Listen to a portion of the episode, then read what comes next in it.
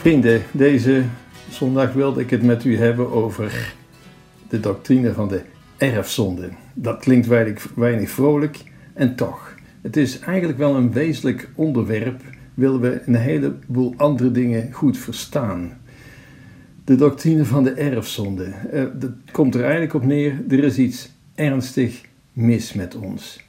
Niet, niet, dat er niks meer functioneert in ons, dat er niks meer intact is. Het denken, de wil, dat is er allemaal nog. Maar de erfzonde heeft dat wel aangetast. Chesterton, die is nogal eens van de wonderlijke uitspraken. En die zegt, ja, dat is het de enige leerstuk van de kerk waarvoor uh, het bewijs overweldigend aanwezig is. Je hoeft het niet eens te geloven, het bewijs is overweldigend aanwezig. Kijk naar het journaal, kijk naar uh, je eigen buurt, kijk naar jezelf en je weet hoe het ervoor staat. Het is een beetje zoals Paulus het zegt, hè? Het goede dat ik wil doen, dat, doe ik niet.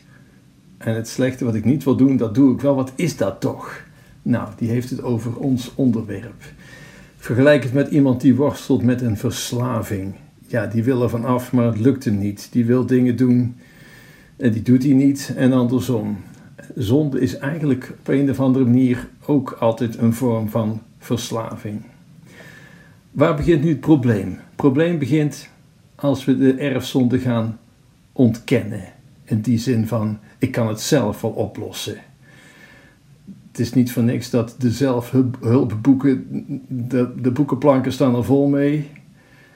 Um, maar toch, in de tijd ver voor Jezus, de Plato, Cicero, dat soort uh, geweldige filosofen, die kenden het probleem. Maar die meenden wel dat ze het zelf konden oplossen. Door allerlei adviezen en tips en zodat je deugden kon ontwikkelen. Dat waren de zelfhulpboeken avant la lettre. En bij ons speelt het eigenlijk ook nog steeds. Hè? Het bekende vooruitgangsgeloof. Hè? Sinds de verlichting heerst dat eigenlijk nog steeds. Het vooruitgangsgeloof. Hè? Als we maar vooruit gaan in wetenschap en techniek, dan worden dingen stukje bij stukje beter. En gaan er veel problemen de wereld uit en zal het voor iedereen op vooruit gaan. Maar toch, wij gaan uit van iets anders. Hè. Denk aan, aan, aan moeder Teresa. Hè. Als mensen niet veranderen, dan zullen structuren nooit veranderen. En zo is het ook met wetenschap en techniek. Dat heeft ons ongelooflijk veel goeds gebracht. Maar is de moraal van de mens vooruit gegaan, zoals we met elkaar omgaan? U mag het zelf zeggen. Het probleem is als we het zelf denken op te lossen, we maken het erger. Vergelijk het met iemand die in een moeras zit. Als hij zichzelf eruit wil wurmen, dan zakt hij sneller steeds dieper. Het devies is stilzitten en wachten op een helpende hand. Je kunt niet jezelf aan je haren je uit het moeras trekken. En zo is het ook met die erfzonde in ons. We kunnen het niet onszelf daaruit optrekken. Die helpende hand, die hebben we nodig. Blaise Pascal, die heeft daar een mooie uitspraak over. Wie van zichzelf een engel maakt, hè, dus iemand die van zichzelf zegt, met mij is niks mis. Het ligt aan, nou noem allemaal maar op. Pascal zegt, wie van zichzelf een engel maakt, die maakt van zichzelf een beest. En kijk eens hoe vaak dat gebeurt. En dan nog, hè, als je jezelf kunt redden, dan heb je geen verlosser nodig. Dat is ook het probleem als we van Jezus een moreel leraar maken, die gewoon een moraal voorhoudt. dat we goede mensen moeten worden. Nee, dat is Jezus niet. Verkondigde hij een moraal? Zeker, maar dat was niet waar het om ging. We hebben het er al eerder over gehad. Was hij een wonderdoener? Ja, dat was hij ook, maar daar gaat het niet om. Wie is hij wel? God zelf, Gods zoon. En die kan ons verlossen. En wij kunnen ons steentje bijdragen door ons vertrouwen in Hem te stellen en door te volharden in het gebed, de sacramenten. Enfin, u weet wat ik bedoel. Alle drie de lezingen van deze zondag gaan over de erfzonde. Het begint met het boek Wijsheid. En wat staat daar? Nou, het komt hierop neer: de slechte zeggen, laten we de goede uit de weg ruimen, want die is ons een ergernis. Dat is, dat is vreemd. Laten we de goede uit de weg ruimen, want hij is ons een ergernis. Maar zo werkt het wel. Ze houden je een spiegel voor. En als je kijkt naar de praktijk, kijk naar school, naar schoolpleinen. Wie, ja, wie hebben het meestal gedaan? Wie, wie zijn degenen die het lastig gemaakt wordt? Zijn vaak degenen waar niet zoveel mis mee is.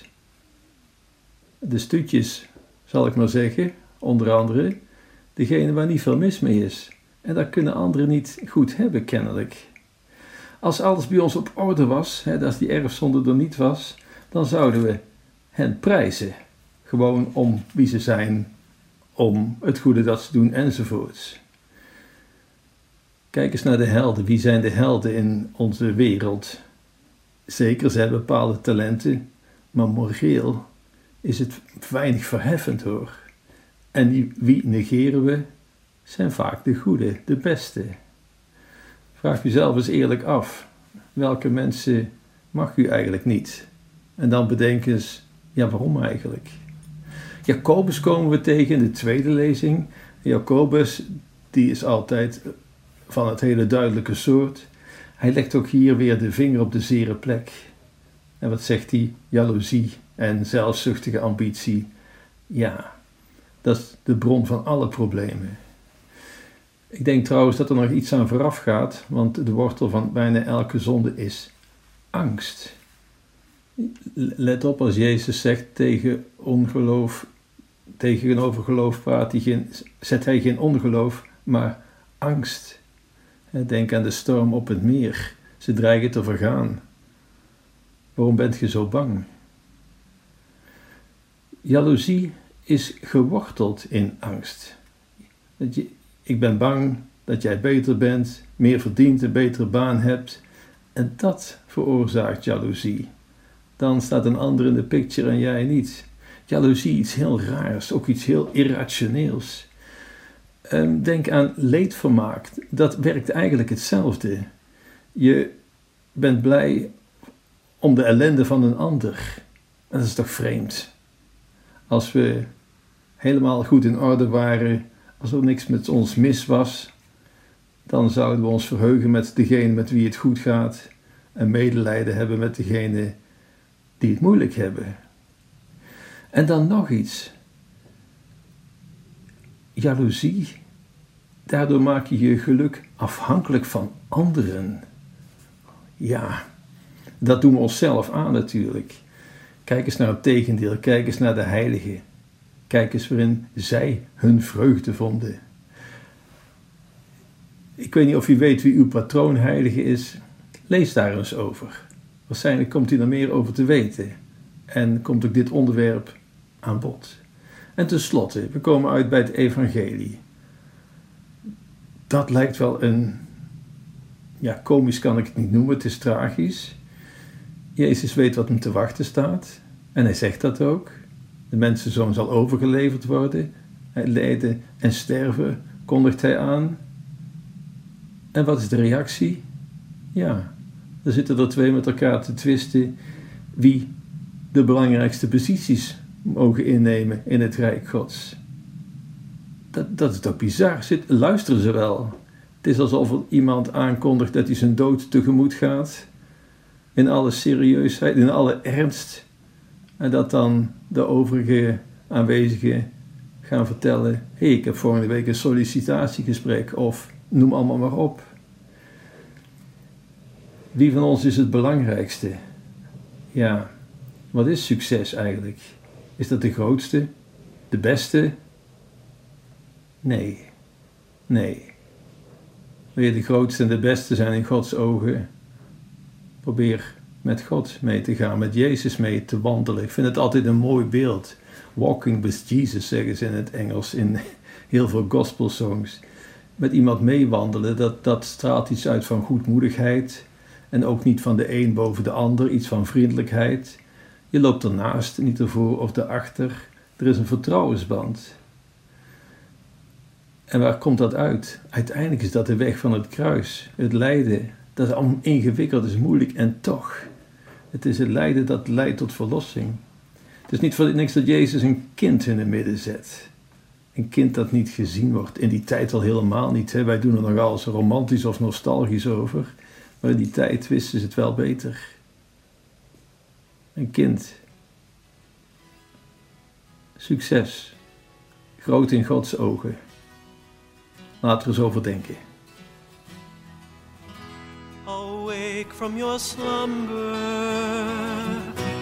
arise from your sleep. A new day is dawning for all those who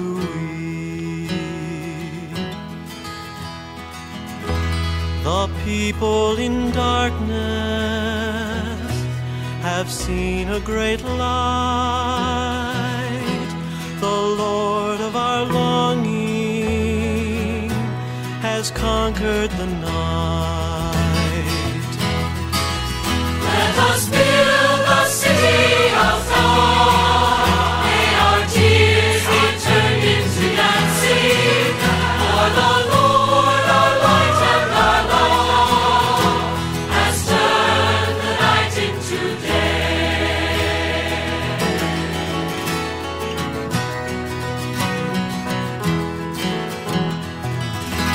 We are sons of the morning. We are daughters of day. The one who has loved us has brightened our way.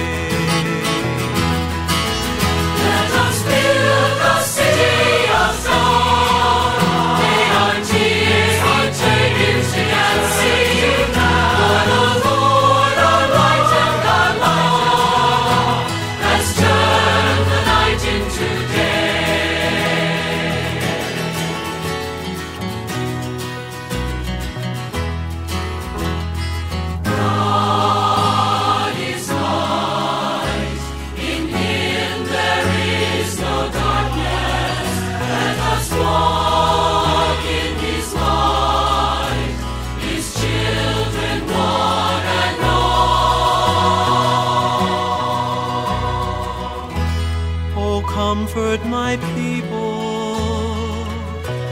make gentle your words, proclaim to my city the day of her birth. Let us build the city